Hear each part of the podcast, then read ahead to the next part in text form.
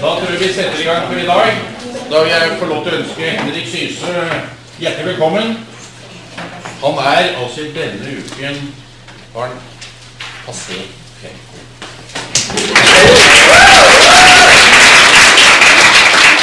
Han holder seg rimelig godt. Rimelig er.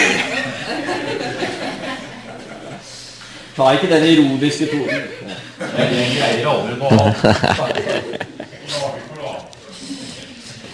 Eh, og så vil vi ønske velkommen en eh, klasse fra videregående på, i Lofoten. Så det, det er, eh, viser hvor stor interesse det er for dette faget. Det være bare tilfeldigheten som gjør at dere kommer hit.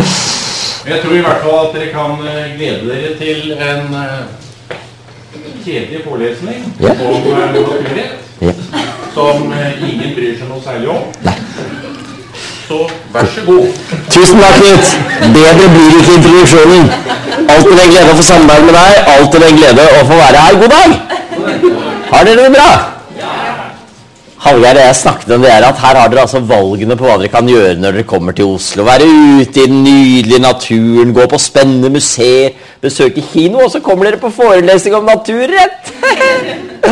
Så jeg skal prøve å kjenne dere så godt jeg kan frem til klokken tolv. Jeg husker min far han var politiker, og han pleide noen ganger å si når han skulle holde litt lange forelesninger, at nå skal jeg tale, og dere skal lytte. Jeg håper ikke dere blir ferdige før meg. Det skjer noen ganger. Vi får se hvordan det går.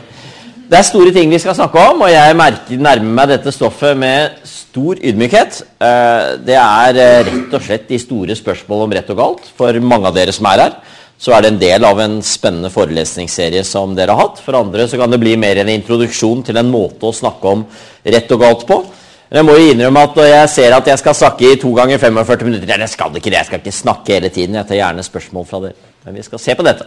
To ganger 45 minutter så ser jeg at det er et eller annet med at vi skal virkelig snakke om ting som noen ganger er vanskelig å sette ord på. Virkelig store spørsmål, og ting som også inviterer til så mange oppfølgingsspørsmål at oppgaven er nesten umulig. Hørte en herlig historie om en jente som står og setter en sånn mulepose på en hest. og Dytter den på for å få den til å sitte godt fast. Så kommer en gutt forbi og så sier han, ja, du kan bare gi opp, du får aldri den hesten inn i den posen. Og det er noen ganger litt sånn jeg føler det er med store spørsmål innenfor filosofien. Jeg er ikke teolog selv, men jeg har sans for noe som de gamle greske teologene kalte den apofatiske teologi. Det er den teologien som rett og slett innrømmer at våre ord kommer til kort veldig ofte når vi skal snakke om de største spørsmål. Eller som filosofen Ludvig Wittgenstein sa det, at de, om de største spørsmål må vi være stille. For det er noen ganger ordene kommer i veien. Men nå er det oppgaven min å ikke være apofatisk nå. Det ville være kjedelig hvis det ble to ganger 45 minutter med stillhet. Så jeg skal nå forsøke å si noe. Der har dere e-postadressen min, hvor dere kan sende klager etter forelesningen. Jeg er til daglig forsker et sted som heter Institutt for fredsforskning. Har en 50% stilling der. Så har jeg en såkalt toerstilling et sted som heter Bjørknes høgskole. Og resten av tiden så reiser jeg rundt og gjør sånn som dette. Og sitter jeg i noen komiteer og utvalg og litt sånn forskjellig. Har dere noen forslag til fredsprisen, så si fra. Det gjør vi altså. Yes! Da er vi i gang med, med dagens uh, tema. Er det noen av dere som har lyst til å forsøke å definere hva naturrett er, før jeg har sagt noe som helst? Er det noen som forbinder noe med det begrepet? Eller som kanskje heller vil tippe hva det kan bety for noe? Dere som har fulgt forelesningsserien her, har garantert vært innom begrepet, men det er jo ikke sikkert det har vært definert. Jeg skal forklare det, jeg også, så det er ikke nødvendig.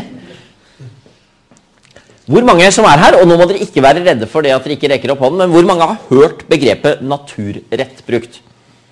Mange av dere. Hmm.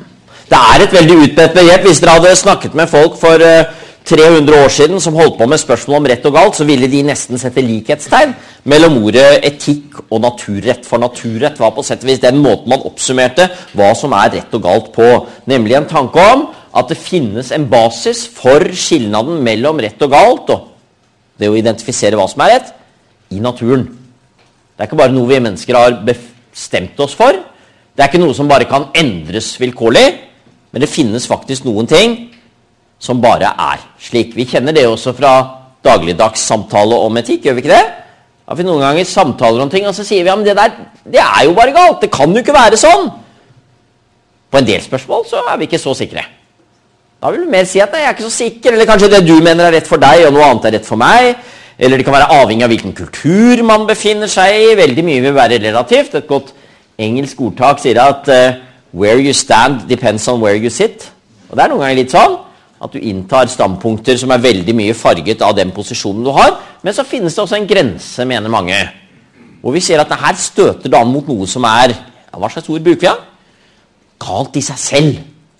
Sånn kan det jo ikke være. Altså, jeg bruker noen ganger sånn tankeeksperiment at du setter deg ned og har en eh, samtale med hva skal vi si da, Josef Goebbels. Og Temaet er ikke sant, for og mot konsentrasjonslære. Han er for, og du er mot. Og så har du en hard debatt om dette og mener du har en del argumenter.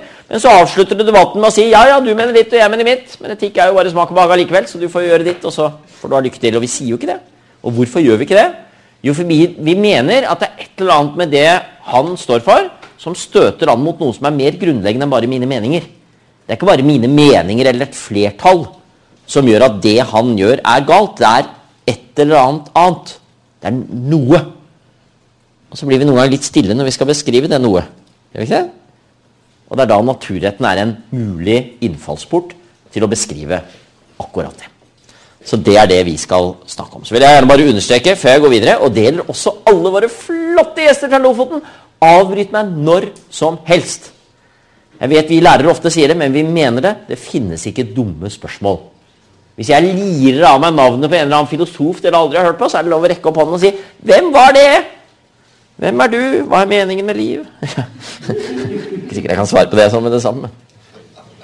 Før jeg begynner, med en herlig historie. Jeg hørte den fra en tegneseriestripe som heter Lunsj. Hvor det er eh, om det der med sånn filosofisk språk og sånn. Der er det en sjef som skal ha medarbeidersamtale. Han skal gjøre det litt sånn filosofisk. Da, så han sier til medarbeiderne at i dag har jeg lyst til å snakke med deg om hvem du er. Hvor du kommer fra. Hvor du skal hen. Og da svarer fyren ja, det er enkelt. Kjell Dass Kantina. der har vi det gapet der. Så det er lov å stille de konkrete spørsmålene også, og så får eventuelt heller svarene være abstrakte. Hva er altså naturrett? Jo, hvis vi skal gi det en overordnet definisjon Mye av dere vil dere som følger dette, vil dere som følger kurset kunne finne igjen i en del av pensumlitteraturen også. Det er en form for det vi ofte kaller en moralsk realisme. Og med moralsk realisme mener ikke jeg noe realisme i betydningen det som er realistisk, sånn som vi kjenner fra litteraturteori f.eks. Jeg skal på videregående hatt om det i norsken, er det ikke det? Om realismen. ikke sant? Det er samme ordet, men det er betydningen av realisme som tar utgangspunkt i at noe som faktisk eksisterer, ja, det er faktisk noe som vi kan henvise til, peke på. Det er ikke bare noe vi har funnet på. Så en moralsk realisme det er en form for moralteori, og nå bruker jeg ordene moral og etikk om hverandre, men altså det som har med rett og galt å gjøre, som mener at det faktisk finnes noe Nå skal vi se på hva det noe er for noe. Som tilsier at det er kriterier som gjør at vi kan skille mellom rett og galt. Det er et begrep som vi ofte setter i motsetning til en moralsk positivisme. Positivisme betyr da ikke det som er fint og glad og moro. Kan brukes i den betydningen også. Være veldig positiv. Men her er det rett og slett positivisme i betydningen det som eh, er bestemt. Det som er 'posited' på engelsk. Det som er 'dette har vi bestemt'. Og en moralsk positivisme vil rett og slett si som så at moralske regler de er et resultat at noen har bestemt seg for dem. Så la meg si at vi nå tar en debatt her i dette rommet på hva vi mener om et eller annet viktig spørsmål. Abort. Og så tar vi en flertallsavgjørelse, og så sier vi at den flertallsavgjørelsen den bestemmer hva som er rett og galt. For det sier loven. Nå er de aller færreste mennesker i praksis bare moralske positivister eller bare moralske realister. Det er jo mange ting i samfunnet som er veldig viktige spørsmål, som selv et menneske som mener at det finnes noen typer grunnleggende regler som bare er sånn, altså en som er moralsk realist, en som tror på naturretten, vedkommende vil jo likevel si at det er mange regler som rett og slett bare følger av hva vi er blitt enige om. Og det kan også være viktige regler. Favoritteksempelet mitt er om vi kjører på høyre eller venstre side av veien. Det er ganske viktig vi er enige. Hvis jeg starter hver morgen med liksom, ja, jeg tror jeg prøver venstre i dag, så har politiet all mulig rett til å stoppe meg. Og hvis jeg sier at ja, men jeg føler det er riktigere for meg, konstabel, så tror jeg ikke det holder. Hvor kommer den regelen fra? Kommer den fra naturretten? Har naturen sagt til oss at det er riktig i seg selv å kjøre på høyre side av veien? Nei. Det kan godt være det finnes noen ting som tyder på at det er bedre, men jeg tror ikke det. Det har egentlig mest å si for hvor rattet er hen. Hvis du har kjørt på venstre side, så vet du at i det øyeblikket rattet er på høyre side av bilen, så blir det mer naturlig å kjøre på venstre side av veien. Men noe må vi bestemme oss for. ikke sant? Vi må ha en regel. Og Hvis vi ikke har den, så vet vi rett og slett ikke hva vi skal gjøre. Så veldig mye av også det vi sier er moralsk og etisk viktig, er i realiteten bestemt fordi vi må koordinere. Det vet dere om en skoledag også. ikke sant? Den begynner på et visst tidspunkt, slutter på et visst tidspunkt. Kunne vært annerledes, men vi har nå engang bestemt oss for det. Og Det vi da veldig generelt kan si som en innledning, er at den måten å tenke om etikk og moral på, som vi kaller naturrett, den er moralsk realistisk et stykke på vei. Den mener altså at deler av moralen har en form for reell eksistens av et eller annet slag. Vi kommer tilbake til hva slags eksistens det er. Men den er altså en type som gjør at jeg kan si at denne talerstolen her eksisterer. Jeg kan ikke plutselig si at den ikke er der. Jeg kan ikke late som den er noe helt annet. Det er et eller annet her. Så kan vi selvsagt ha tolkningsspørsmål, definere. Vi kan spørre om vi trenger talerstolen. Vi kan bli kvitt den, men den er noe her. Den er noe reelt. Det er selvsagt en unøyaktig sammenligning, men det er noe av det samme som ligger i dette.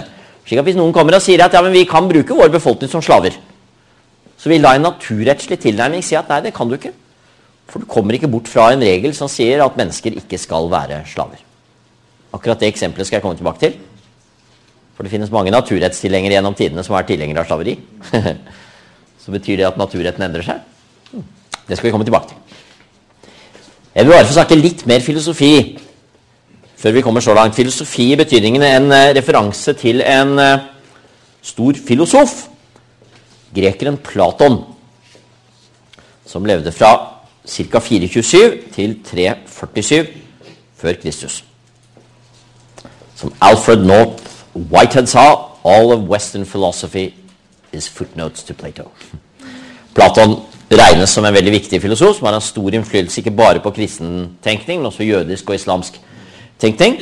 Og Grunnen til at jeg nevner ham her, er at han har en måte å tenke på som på veldig mange måter utgjør mye av grunnlaget for det vi senere kaller naturrett. Nå kunne jeg hatt noe å tegne på, det har jeg ikke akkurat nå. Men hvis jeg hadde noe å tegne på, så ville jeg nå ha tegnet der tre sirkler. Rundinger. Og nå er ikke jeg verdens beste til å gjøre det, jeg har ikke noe passer her, eller sånn, så la meg si de ble litt unøyaktige. Disse tre. Og så spør jeg dere hvilken er den beste sirkelen? Og Hvis dette da var en mattetime, jeg tenker ikke være en mattetime, hvem som helst av oss kan diskutere det når som helst, så vil jeg tippe at dere ville komme frem til en enighet om det. Det er en ganske grei ting, bare på øyemål, rett og slett, hvis ikke de ligner veldig på hverandre, og si 'nei, den er rundere'. Og Da vil Platon spørre 'hvor har du det fra'? Hva er standarden for at det er en bedre sirkel enn en annen sirkel? Og Da vil jo Platons tese være for all del en omstridt tese også i hans samtid, men den er jo at vi har en idé for hva det er som er rundt. En geometrisk idé. Og den er ikke noe vi har vedtatt. Det er ikke sånn at du har hatt et møte i forsamlingen hvor man er blitt enige om at dette er en sirkel. Og et annet sted er noe annet. ikke sant? Her i Hellas har vi sett at dette er sirkler. I Egypt mener de sikkert noe annet. Nei. Det Platon synes er så fascinerende, er at hvis du i dette rommet her hadde med disse sirklene på veggen Grekere, egyptere og mesopotamere, for å ta hans samtid mennesker som kunne lese og mennesker som ikke kunne lese, kvinner og menn, frie og slaver, så ville de faktisk være enige om alle sammen hva det er som er den beste sirkelen. Det er ikke sikkert de ville vite det hvis de ikke kunne definisjonen på ordet sirkel, så noe måtte de ha lært seg. På et eller annet vis. De måtte kunne noen begreper. Men han sier at dette er akkurat som om det er noe vi som mennesker vet uten nødvendigvis å ha vært utdannet i det, og ikke minst uten å ha tatt noen beslutning om det. Vi har ikke vedtatt hva en god sirkel er. Og Det er et eksempel på det som Platon i sin filosofi kaller ideer, eller former. Føy til en fotnote her. Noen av dere som husker Viktor Borge? Genial dansk pianist og komiker. Han hadde sånne tegn. Han hadde en helt sånn fortelling hvor han lagde lyder for alle de forskjellige tegnene, og fotnote, det var Så nå kommer det. Eh, Fotnote. Det er mye diskusjon om Platons såkalte idélære. Noen av dere har tatt forberedende filosofi en gang. Noen av dere har lest Sofies verden, kanskje. Den bør dere lese. Det er en eh, mange måter undervurdert bok. Det er en fin innføring i filosofiens historie. Og da vil dere huske der at vi snakker gjerne om Platons idélære. Det er nettopp det jeg snakker om nå. Men den er også omstridt. Og var omstridt i hans samtid også. Ikke minst fordi Platon, når han skriver, så skriver han ikke læreverker. Han skriver dialoger. Så han legger sine meninger i munnen på andre, så vi kan aldri være helt sikre på hva han egentlig mente. Og Det er mye strid om hvor bokstavelig han tok denne idélæren. Den mest bokstavelige utgaven av det er nærmest at oppe i himmelen et sted, i det evige, der finnes noen prototyper. Og vi som mennesker har en bevissthet som gjør at vi kan sammenligne med de prototypene. Ja, Noen steder antyder han at det er fordi vi har levd før. Vi har en form for preeksistens, og så blir vi fanget i denne kroppen, og så går vi ut av den igjen. Det er en slags det vi i dag vil kalle en slags reinkarnasjonslære hos, hos Platon. Men om han mente det bokstavelig, er det mye diskusjon om. Det var fotnoten. Men det er altså Platons idé. Vel, det er jo begrenset interessant hva angår sirkler, om du da ikke har et kurs om geometri. Men dere har ikke hatt så mye geometri eh, dette semesteret, har dere, Knut? Lite. Lite, ja. Nå har dere hatt litt, så dere kan være stolt av det. Ikke alltid man har vært innom geometri før klokken halv elleve på formiddagen. Men dette er altså et eh, kurs om etikk, så hvis det jeg i stedet for gjorde, og i stedet for å tegne tre sirkler, var å fremstille tre forskjellige handlinger og spørre dere hvilken er mest rettferdig, kan da noe av det samme skje? Og det er jo det Platon mener. At det finnes faktisk noen standarder. De vil måtte justeres, og de vil måtte kunne diskuteres. Det er Platon veldig opptatt av. Det er ikke alltid vi vil komme til, frem til en konklusjon, men han mener likevel at vi mennesker er i stand til å foreta bedømmelser. Både hva angår hva som er rett, hva angår hva som er matematisk riktig, og hva angår det som er skjønt og vakkert. Det estetiske. Hvor det faktisk finnes noen kriterier, og de kriteriene er altså ikke bare av det vi vil kalle moralsk positivistisk art, mener han. De er også av moralsk realistisk art. De kommer fra noe som ligger utenfor mennesket. En mer eller mindre samtidig av Platon, som het Protagoras, som var en bestrømt visdomslærer, en av de andre store i det klassiske Hellas, han uttrykte at mennesket er alle tings målestokk. Det kalles senere på latin homo mensura-setningen. Mennesket er alle tings målestokk. Og Det er på sett og vis det Platon og hans lærer Sokrates gjør opprør mot. For de sier at nei, mennesket er ikke målestokk for hva som er den beste sirkelen. Det er ikke noe mennesker kan bestemme seg for den ene veien eller den andre. Og Dermed er det også slik, sier de, for mange ting som har med etikk å gjøre, at det er ikke sånn at mennesker bare kan bestemme seg. Dette er faktisk begrunnet i noe dypere, ja, i selve det å være menneske. Og Det er en berømt dialog av Platon som heter Staten. Der det er en mann som heter Trasimachos. Minner mye om Protagoras, men han er en litt simplere utgave av Protagoras. Som sier at det som er rett, det bestemmes av hva den sterkeste mannen i staten mener. For det er den sterkeste mannen i staten som har definisjonsmakten. Og da er selvsagt målet bli den sterkeste mannen i staten, for da kan du bestemme. Og Hvis den sterkeste mannen i staten sier at alle de menneskene der må drepes, og dere må betale 50% skatt til meg, eller 95 There's one for you, 19 for me. Jeg må legge inn én Beatles-referanse. Det fikk jeg, det er fra Taxman. Jeg er nemlig fast gjest på torsdag kveld på Herreavdelingens platesjappe på radio. Det er gøy! Og I går kveld snakket vi om Taxman, for den ble spilt inn for nøyaktig 50 år siden. Samme uke som jeg ble født. Å, det er gøy. Det er livsfarlig å trykke på en knapp hos en nerd, for da slutter det ikke. ikke noe mer om Beatles nå.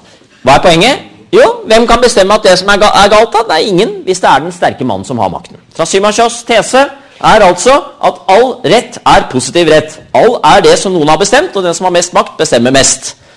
Og Da sier altså Sokrates som svar til ham at slik er det ikke, for noen ting er faktisk rett og galt i seg selv, uavhengig av, og noen bestemmer noe. Og Han bruker et berømt bilde fra gresk mytologi. En ring som kalles Gyges ring. Som en sauegjeter finner og tar på sin finger, vrir rundt og blir usynlig. Gyges ring gjør deg usynlig. Og da er Sokrates spørsmål kan du gjøre hva du vil, da? For ingen ser hva du gjør. Du kan stjele og hore og ljuge. Og ingen vet at det var du som gjorde det, så du slipper unna. Og Ifølge Trasymasjos er vel det greit, for det er jo ingen andre som bestemmer hva som er rett og galt, enn den som er sterkest. Og har du Gyge ring, så er du rimelig sterk. Og Da sier Sokrates at ja, men det er noe helt annet som er det viktige. Blant annet er Sokrates veldig opptatt av hva gjør du med deg selv. Du ødelegger din sjel ved det du gjør. Det å handle på den måten mot andre mennesker er ødeleggende i seg selv. Det er ikke fordi du blir straffet for det, eller fordi noen syns det er dumt, eller fordi det er eh, ikke anerkjent av andre i samfunnet, men det er noe dypere. Det er noe ved det å være menneske. Ved å handle slik så støter du an, sier Platon og Sokrates, mot selve det menneskelige. Du ødelegger deg selv som menneske, du ødelegger andre som menneske, du ødelegger stat, samfunnet, limet i samfunnet. Sånn som jeg fremstiller det nå, så er det jo lett å ha mest sympati med Platon og Sokrates.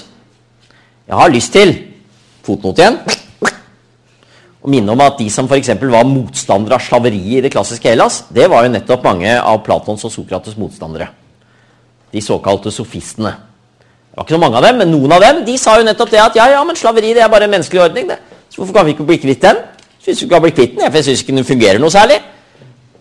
Mens de som er tilhengere av slaveriet, de sier at det er naturlig. Det er naturlig at noen mennesker styres av andre, for noen har mer visdom enn andre. What? Yes, sir. Du sier at uh, å handle umoralsk ødelegger menneskets sjel. Um, de tyske soldatene under annen verdenskrig, når de hadde hus og hjem, og så gikk de på jobb, så gjorde de de grufulle handlingene de gjorde. Er det fordi omgivelsene har sagt at det er rett, at de har en ødelagt sjel, og om ikke er det fordi omgivelsene Storparten sa at det var rett å gjøre det. Stort og viktig spørsmål, og selvsagt uh, noe som kan angripes fra forskjellige ståsteder, også ut fra psykologi. Hvis jeg kan forsøke å si hva Platon ville sagt til det, eller en platonsk tilnærming, så vil det være en kombinasjon av de to som du påpeker, hvor de er i et dynamisk forhold mellom hverandre. Nemlig når hele samfunnet begynner å si at noe er greit som ikke er greit. Som Sokrates ville sagt hvis alle sier at hvitt er svart. Det er, det er, svart, ser du ikke det? Det er jo svart, og så er det hvitt. Men tenker du inni deg selv til slutt at ja, ja, de sier jo det er svart, så jeg får vel godta det, da. De andre sier jo jeg vil ikke være utafor, jeg heller. Så både ødelegger du noe i deg selv, du ødelegger noe av eh, dømmekraften vil vi si. Det er ikke et begrep Jo, for så vidt er det et begrep du finner hos Plato nå. Fronesis, ikke sant? evnen til å gjennomtenke ting. Så du ødelegger rett og slett det. Og da ødelegger du også din egen sjel, men det kan være andres skyld. Det er Platon og Sokrates helt åpne for. Det er jo derfor de er så opptatt av det ansvaret som statens ledere har. For de har mer ansvar enn andre, for de påvirker mer enn andre. Eh, men eh, det de ville ha sagt om den type soldat, er jo nettopp det at noe ødelegges i den soldaten. Eller i det mennesket. Eh, og det blir bare ødelagt mer og mer, ville de si. Og ikke minst Sokrates og Platons etterfølger Aristoteles vil understreke veldig sterkt at da ødelegges det også gjennom vane dårlige vaner når du gjør ting veldig mange ganger, så blir det etter hvert en sånn måte å gjøre ting på som du anser som naturlig, og det kan korrumpere et menneske. For da tenker man til slutt at det er sikkert greit, for alle andre gjør det jo, det er, jeg er vant til å gjøre det. Eh, og det ser vi mye av. ikke sant? Så store næringslivsskandaler og sånt, og så ser vi at det er påfallende mange som ikke har stilt spørsmål. Så de sier ja, men det var da sånn vi gjorde det. Vi oppga da ikke det til skatt. Og så tenker man gjorde man ikke det?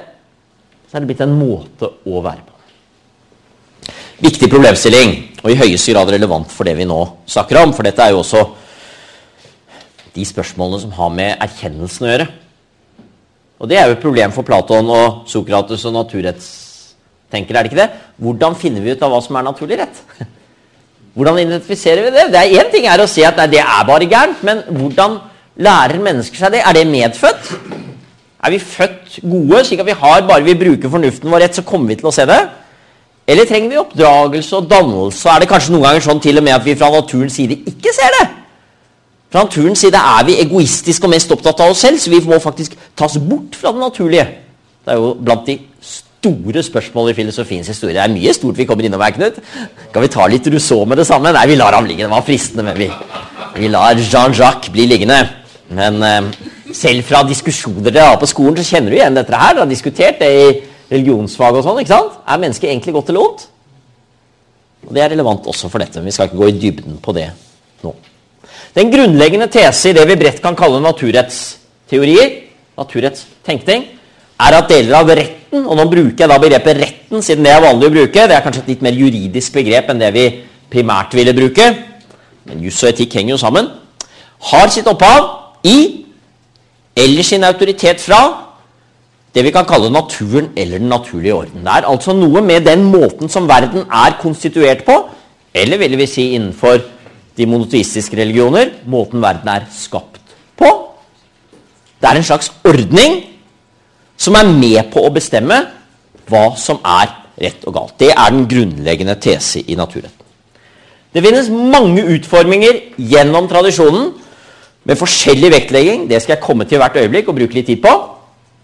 Så naturrett er ikke én teori, én tese. Dette er et kjempebredt felt med innbyrdes tenkere som mener veldig forskjellige ting. Men det er allikevel en gjenkjennelig tradisjon fordi den forenes i den tesen. Og så understreker jeg igjen selv for en som vil kalle seg en naturrettstenker Nå vil jeg bare da understreke at Platon setter vi ofte ikke den tradisjonen, for han bruker ikke begrepet helt sånn. Det, finner begrepet hos Aristoteles, men naturrett er for et begrep av senere dato, vil mange mene. Vi befinner oss Cicero, blant annet. Men eh, det er ikke så farlig om hva som er begrepet. Moralske realister som er opptatt av at det finnes kriterier for rett og galt i naturen, de vil ikke av den grunn mene at alt er bestemt der. Og dette er på en måte en selvsagt ting. Det er verdt å understreke. Fordi det er en sånn misforståelse og fordom som en del har mot naturrettstenkning. At naturrettstenkere de tror at alt som har med rett og galt å gjøre, det er bestemt. Det Det er på en måte, det finnes en eller annen sånn liste oppe i himmelnettet, og bare du fant den, så vil du vite alt. Men de aller fleste naturrettstenkere vil jo være åpne for at massevis av ting må jo vi bedømme i det daglige. Ut fra vår dømmekraft og erfaring og kontekst. Men de på én kan henge sammen med eller bedømmes ut fra noen prinsipper som er enda dypere. Men om vi skal kjøre på høyre eller venstre side av veien, om vi skal ha 28 eller 40% skatt, det finner du ikke i naturen. Kanskje finne noen veiledende prinsipper, men ikke løsningen som sådan. Ok.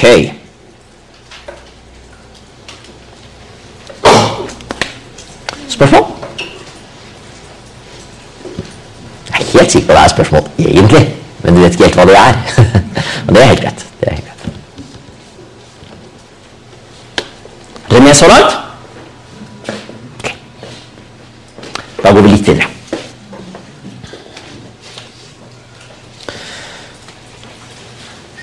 Som allerede antydet, så finnes noen skillelinjer og konflikter innenfor naturrettstenkning. Og det har jo med det å gjøre at dette er en lang tradisjon. De fleste som skriver naturrettshistorie, fører den tilbake til gresk tenkning og lager det som en historie om det vi veldig bredt kaller vestlig filosofi. Det er litt unøyaktig, for veldig mye vestlig filosofi har jo sine røtter i det østlige Middelhav, som igjen har hatt veldig mye innflytelse fra det persiske. Så det er et bredt begrep, men vi har jo gjerne en sånn kongerekke av tenkere. da. Dessverre ikke så mange dronninger. Burde vært flere av dem. Eh, fra Sokrates og Platon og fremover. Og veldig mye av naturrettstenkningens historie knyttes også til den. Det er viktig å huske at i så å si alle kulturer vi kjenner, så finnes det paralleller til det vi i Vesten kaller naturrettstenkning. Dere har en interessant artikkel på pensum som handler om det man kan kalle naturrettstenkning innenfor islam, som henger veldig nøye sammen med hvordan man bedømmer fornuftens rolle vis-à-vis guddommelig lov. Så hvis det altså er gitt en guddommelig lov eller en guddommelig rett, som vi kaller sharia, hvordan er det vi som mennesker skal forholde oss til den? Kan vi tilpasse den? Kan vi endre den? Kan vi ha forskjellige tolkninger av den? Hvis svaret er at vi i hvert fall kan ha forskjellige tolkninger av den, ved å bestemme hvilken tolkning som er rett, på hvilket grunnlag gjør vi det? Og Da finnes det også innenfor islam helt klart tenkere som det er rimelig å kalle naturrettslige. Faktisk var det jo slik i middelalderen, altså det vi kaller middelalderen, i hvert fall opp til 1300-tall, at det var en rik filosofisk diskurs i islam som hadde sine røtter i nettopp Platon og Aristoteles. Og som i mangt i sånne spørsmål som vi snakker om nå, hadde en naturrettslig form. Altså sa at det finnes noen prinsipper som er av en art som kan utledes av naturen, er ikke avhengig av guddommelig åpenbaring, og som vi kan bruke til å være med på å bestemme eller finne ut av hva som er rett og galt. Så skal ikke jeg nå gå inn på andre religiøse kulturer, hvordan man kan bruke naturrettsbegreper med en viss mening innenfor f.eks. hinduisme eller buddhisme, men det er mulig, det også. Men det jeg nettopp nevnte om islam, det leder oss til en av de første viktige skillelinjene eller konfliktene internt i naturrettstenkningen. Igjen kan vi faktisk gå tilbake til vår venn Platon, som eh, skrev en dialog som heter Autifron. E-U-T-Y F-R-O-N. Enda en fotnote. Man har forskjellige tegn for hver gang. Platons samlede verker er tilgjengelig på norsk i gode oversettelser, alt sammen. Og selvsagt på engelsk. Det er en fantastisk side vi lever i, er det ikke det? Med et trykk på et tastatur. 15 sekunder, og så har du hele Platons samlede verker foran deg. Og Det er jo en ting som er ganske utrolig i seg selv. at Platon levde altså for 2000, over 2300 år siden. Og vi har 2400 år siden omtrent, og vi har tilgjengelig, regner vi med, nesten alt han skrev. Det er noen brev som mangler, antagelig, og vi kan ikke vite helt sikkert, men Platon var jo allerede i samtiden regnet for å være en av tidenes største tenkere, om ikke den største. Hans skole kalte han for den guddommelige. Så de tok veldig nøye vare på det han hadde skrevet. Så vi kan altså spore tilbake. De eldste håndskriftene kan vi ikke spore tilbake til ham, men vi kan spore tilbake godt nok til at vi vet at det vi har, er faktisk det Platon skrev. Jeg synes det er helt fantastisk. Det kan vi lese i dag, gå direkte i dialog med. Ehm, så er det en del ting det er strid om Platon selv skrev, om det var elever av ham som skrev det, men det er i hvert fall fra den platonske skolen. Autifron-dialogen det er en dialog som dramatisk sett finner sted rett før Sokrates skal stilles for retten. Sokrates kommer i prat med en som er blitt anklaget for å ha uttalt seg på en måte som er mot gudene. Han har handlet mot dyden eller regelen fromhet.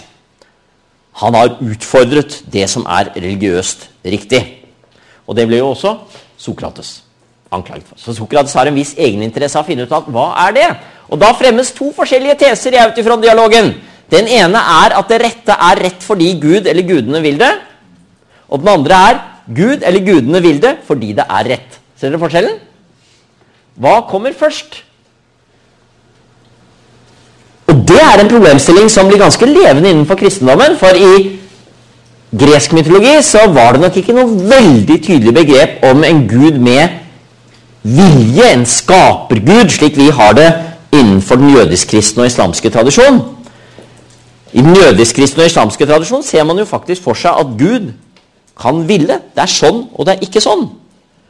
Er det noen kriterier Gud må rette seg etter? Kunne, for å sette det på spissen, Gud bestemme at det som er galt i dag, er rett i morgen? Og Dette er en stor teologisk diskusjon som jeg nå ikke skal gå inn på, selv om det er spennende, fordi vi er jo på selveste teologiske fakultet. Her er det mennesker som kan noe om det. Hallgeir, vil du holde en forelesning om det? Nominalisme hos Martin Luther eller noe lignende. Hadde vært fristende. Ja, vi kunne tatt en sånn. Skal la det ligge. La det ligge. Og jeg skal ikke engang forklare hva nominalisme er. Ja, der er det en del av den, er det ikke det? Ja, Vi er ikke helt ferdig med den, er vi det? Kommer opp på kirkemøtet ennå. Ja da. Det som jo er poenget, er hva er den dypeste grunn for hva som er rett og galt. Og da kan vi, for å si det litt enkelt, fremstille dette som denne todelingen. Enten så er det Gud som skaper Gud og vilje, eller som prinsipp, som er utgangspunktet. slik at hvis du skal finne ut av hva som er rett og galt, så må du gå til de kildene som finnes, som forteller deg noe om hva Gud mener er rett. Den andre måten å se det på, som ikke nødvendigvis er ateistisk Den kan også gjerne mene at det finnes en gud, at det er Gud som har skapt naturen, men der er naturen i større grad et prinsipp som er uavhengig. slik at Helt uavhengig av hva du mener om Gud, eller hva du tror om Gud, eller hva du vet om Gud, så er det mulig å identifisere hva som er rett og galt. Og for å sette det litt på spissen, så må på sett og vis Gud innrette seg etter det også. Gud kan ikke gjøre noe annet enn det som er rett. Og det får visse konsekvenser for hvorledes man utformer en naturrett. Og det får selvsagt konsekvenser også for fornuftens plass. For vi må jo anta at hvis det er naturen som er normgivende, så må vi mennesker på en eller annen bruke, måte bruke vår erfaring, vår observasjonsevne og vår tenkning, vår fornuft, til å identifisere hva det er. Er ekteskapet naturlig? Eller kan det være andre samlivsformer som også kan være i overensstemmelse med naturen? Finnes det en teologisk tekst som gir deg svaret? Eller må du i større grad identifisere dette ut fra hvorledes du erfarer og bedømmer? Yes, sir.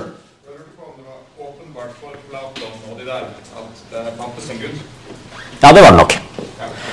Diskusjon om det også, og det er klart det er et annet gudsbilde. fordi det veldig mange vil si, er at innenfor det politiistiske verdensbildet som preget gresk mytologi, så var på sett og vis de gudene man snakket om, menneskeliggjøringer av evige prinsipper. Så de kom til syne som ting som i grunnen lignet på oss mennesker.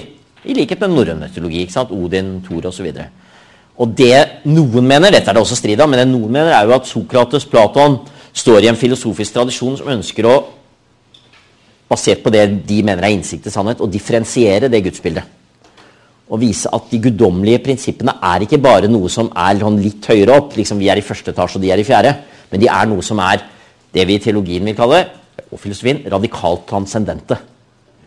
De er hinsides, de er noe annet. Det er det som er opprinnelsen det jeg snakket om å begynne med, apofatisk teologi. ikke sant? Hvis du i siste instans innser at Gud er noe som ligger over vår fatteevne, så er det veldig vanskelig. Ja, Gud er sånn, og Gud vil det, og Gud gjør det. På sett og vis så er det noe som er større enn det vi kan erfare. Mystikere vil jo mene at vi kan erfare det gjennom en mystisk innsikt. Kirken vil jo si at vi kan erfare det gjennom liturgi og tradisjon. Kirken vil selvsagt også si at vi kan erfare det gjennom inkarnasjonen.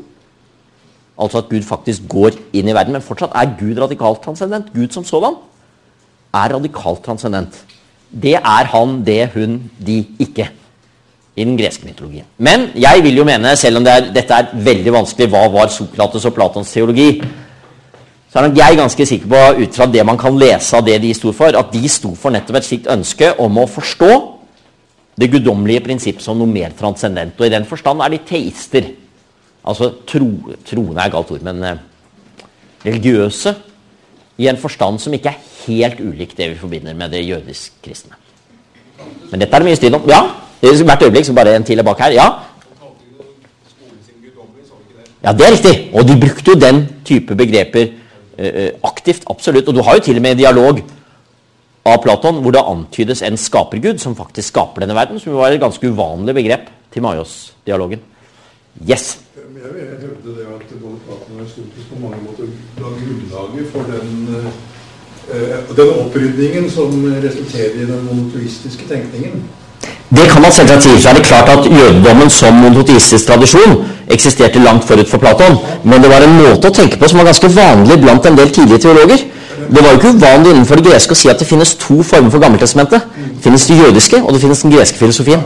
Og begge er på sett og vis, mente de, dette var veldig omstridt òg, da. Men det var jo ikke helt umulig uvanlig å si at begge de er på en måte forberedelser til Kristusåpenbaringen. Så man kan komme til dem fra forskjellige ståsteder. Det var jo vanlig Mange mente jo det innenfor den tidlige kristenhet, og en del senere da Platon ble gjenoppdaget, at, at Platon må ha kjent Mosebøkene. Platon, for dette er en innsikt som gjør at han kan ikke ha dette fra seg selv. Så det var mange sånne teorier om dette, om det, det greske og eh, det hebraiske samspill. Mm. Og omstridt det òg. Som Tertulian sa, hva har vel Aten med Jerusalem å gjøre? Så det var omstridt, det òg. Skal ta noen skillelinjer til. Fem minutter, så er det pause. Går det bra? Har dere det gøy? Jeg gjør det gøy, i. Uh, vi skal ta et begrepspar til. Litt gresk igjen. Teleologi og deontologi. Denne skillelinjen er ikke så skarp som den forrige, men det er to litt forskjellige måter å nærme seg hva det naturrettslige målen kan være på. Teleologi kommer fra det greske ordet 'telos'. Telos betyr mål. En teleologisk måte å tenke etikk på, den setter et mål som vi skal oppnå. Ikke sant? Vi skal få størst mulig dannelse og dyd eller vi skal skape det best mulige samfunn eller størst mulig lykke for flest mulig mennesker. Og så bestemmes hva som er rett og galt, av det målet. Det er dit vi skal.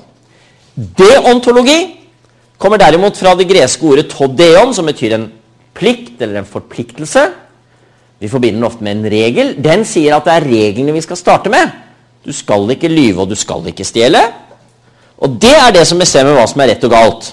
Så bidrar de forhåpentlig til, når vi følger de reglene, at vi når de rette målene. Men vi trenger noe mye mer spesifikt enn bare målene. Vi trenger regler. Og vi må starte med det. I moderne moralfilosofi eller etikk så snakker man ofte om dette som pliktetikk. Alternativt plikt- og rettighetsetikk. Da er det på en måte Der er gulvet. Dette er de grunnleggende reglene. De skal vi følge. Og så kan folk ha forskjellige mål for hva de skal gjøre for noe med det.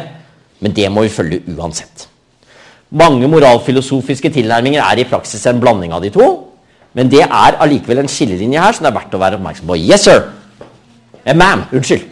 Jeg er så glad du har fått nye briller, og det er enda litt utydelig. Nå sier jeg hei. Er er.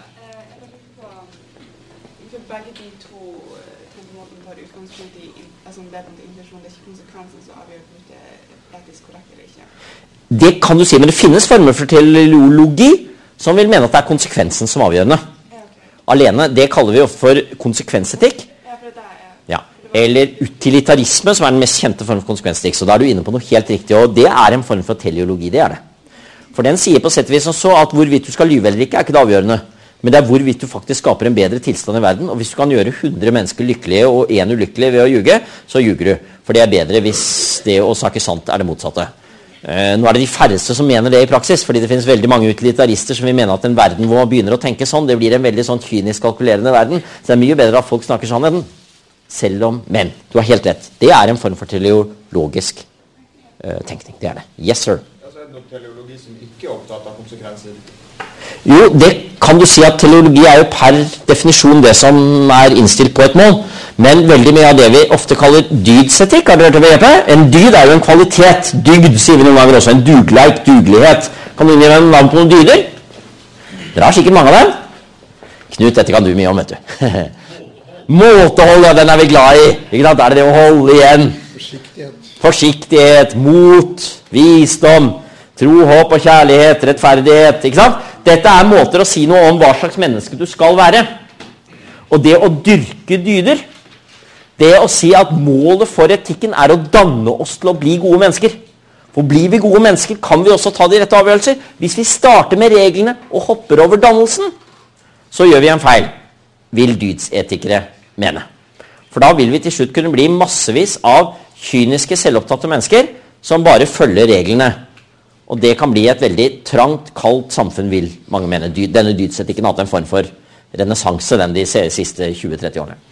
Og Det er også en form for teleologisk tenkning som ikke er bare konsekvensetisk. For den ser på sett og vis for seg et sånn dannelsesmål for menneskeheten. At vi skal bli bedre og skikkeligere og ordentlige mennesker. Og det er interessant, for det er egentlig den jeg er litt inne på i forbindelse med naturrett. For innenfor naturretten så finner du de tenkerne, og det er veldig klart gjenkjennelig i det klassisk greske, hos Platon og Aristoteles, som egentlig ikke primært er opptatt av regler. Det er ikke regellistene som er det sentrale. Gjør sånn og ikke gjør sånn.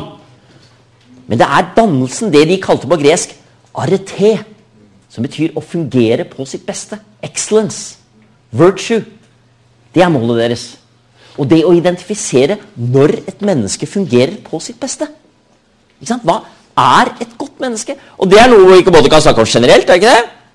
Hva er generelt et godt menneske? Vi må også snakke om det mer spesifikt. Hvis noen av dere har en spesiell oppgave? Man er eh, venn eller ektefelle eller leder for elevrådet eller professor eller snekker, så vil det være noen kvaliteter du trenger å ha for å gjøre den jobben. Det er noe vi ofte bruker innenfor yrkesetikken. Så spør vi hva ville en god fill in the blank ha gjort? Jeg syns det er så fascinerende. Revisorene har et språk for det, for de snakker noe som heter god revisorskikk. Og det er noe annet enn regel, regel, regel, paragraf 3. paragraf- Det finnes det òg, men det er først og fremst et ideal om sånt gjør en god revisor. I det ligger det på en måte en slags dannelsesnorm. For sånt gjør man, og sånt gjør man ikke. Hvis noen av dere har prøvd å oppdra barn, så vil dere vite litt om det òg. Eller hvis vi har vært barn, det har vi alle. Det er sånn, hva, ja, hva gjør en god venn? En god venn gjør da ikke sånn. Og det er noe litt annet enn en ren deontologi. Det er et, et ideal om at det finnes noe som vi kan dras mot, dannes etter. Og Mitt poeng her var jo bare å få frem at innenfor det vi bredt kaller naturrettstradisjonen, så finnes begge disse to. Og de er noen ganger ganske forskjellige. En deontologisk naturrettstenker vil se veldig annerledes ut enn en mer teleologisk. En mer teleologisk vil snakke eksempel veldig mye om dydene. Mens en deontologisk vil snakke veldig mye om grunnleggende regler. Moderne menneskerettighetstenkning vil mange mene er jo en form for deontologisk naturrettstenkning som sier alle mennesker har grunnleggende rettigheter. Bang, bang, bang, bang. Sånn er det. Hva du gjør med det, kan du gjøre som du vil med. Og Hva som er et godt menneske, det klarer vi ikke å bli enige om allikevel. Men vi kan bli enige om de grunnleggende reglene, og det har mye for seg, har det ikke det? I et pluralistisk samfunn. Hvis du lever side om side, kristen og ateist og buddhist og hindu og muslim, så er det veldig greit at vi kan bli enige om hva som er grunnleggende regler i en rettssal, og hvilken side av veien vi skal kjøre på. Vi sier at nei, det nytter ikke, for det er så pluralistisk. Vi mener jo helt forskjellige ting om det gode liv. Nei. Jeg har jobbet en del med forretningsetikk. Det er veldig greit at vi har felles regler for skattlegging og barnearbeid. Og hvis vi sier at nei, det er så mange forskjellige syn på det gode liv Det går ikke. Da går det ikke an. Da, da kan vi ikke drive, da. Da kan, vi, da kan vi ikke interagere med hverandre. Men det som da er en del av disse på denne siden her, det siste jeg skal si før vi tar en pause nå På denne siden her, folk som kommer fra tradisjonen fra Aristoteles, Thomas Aquinas vil si, er at denne måten å tenke på mister noe veldig viktig. Den blir firkanta, todimensjonal.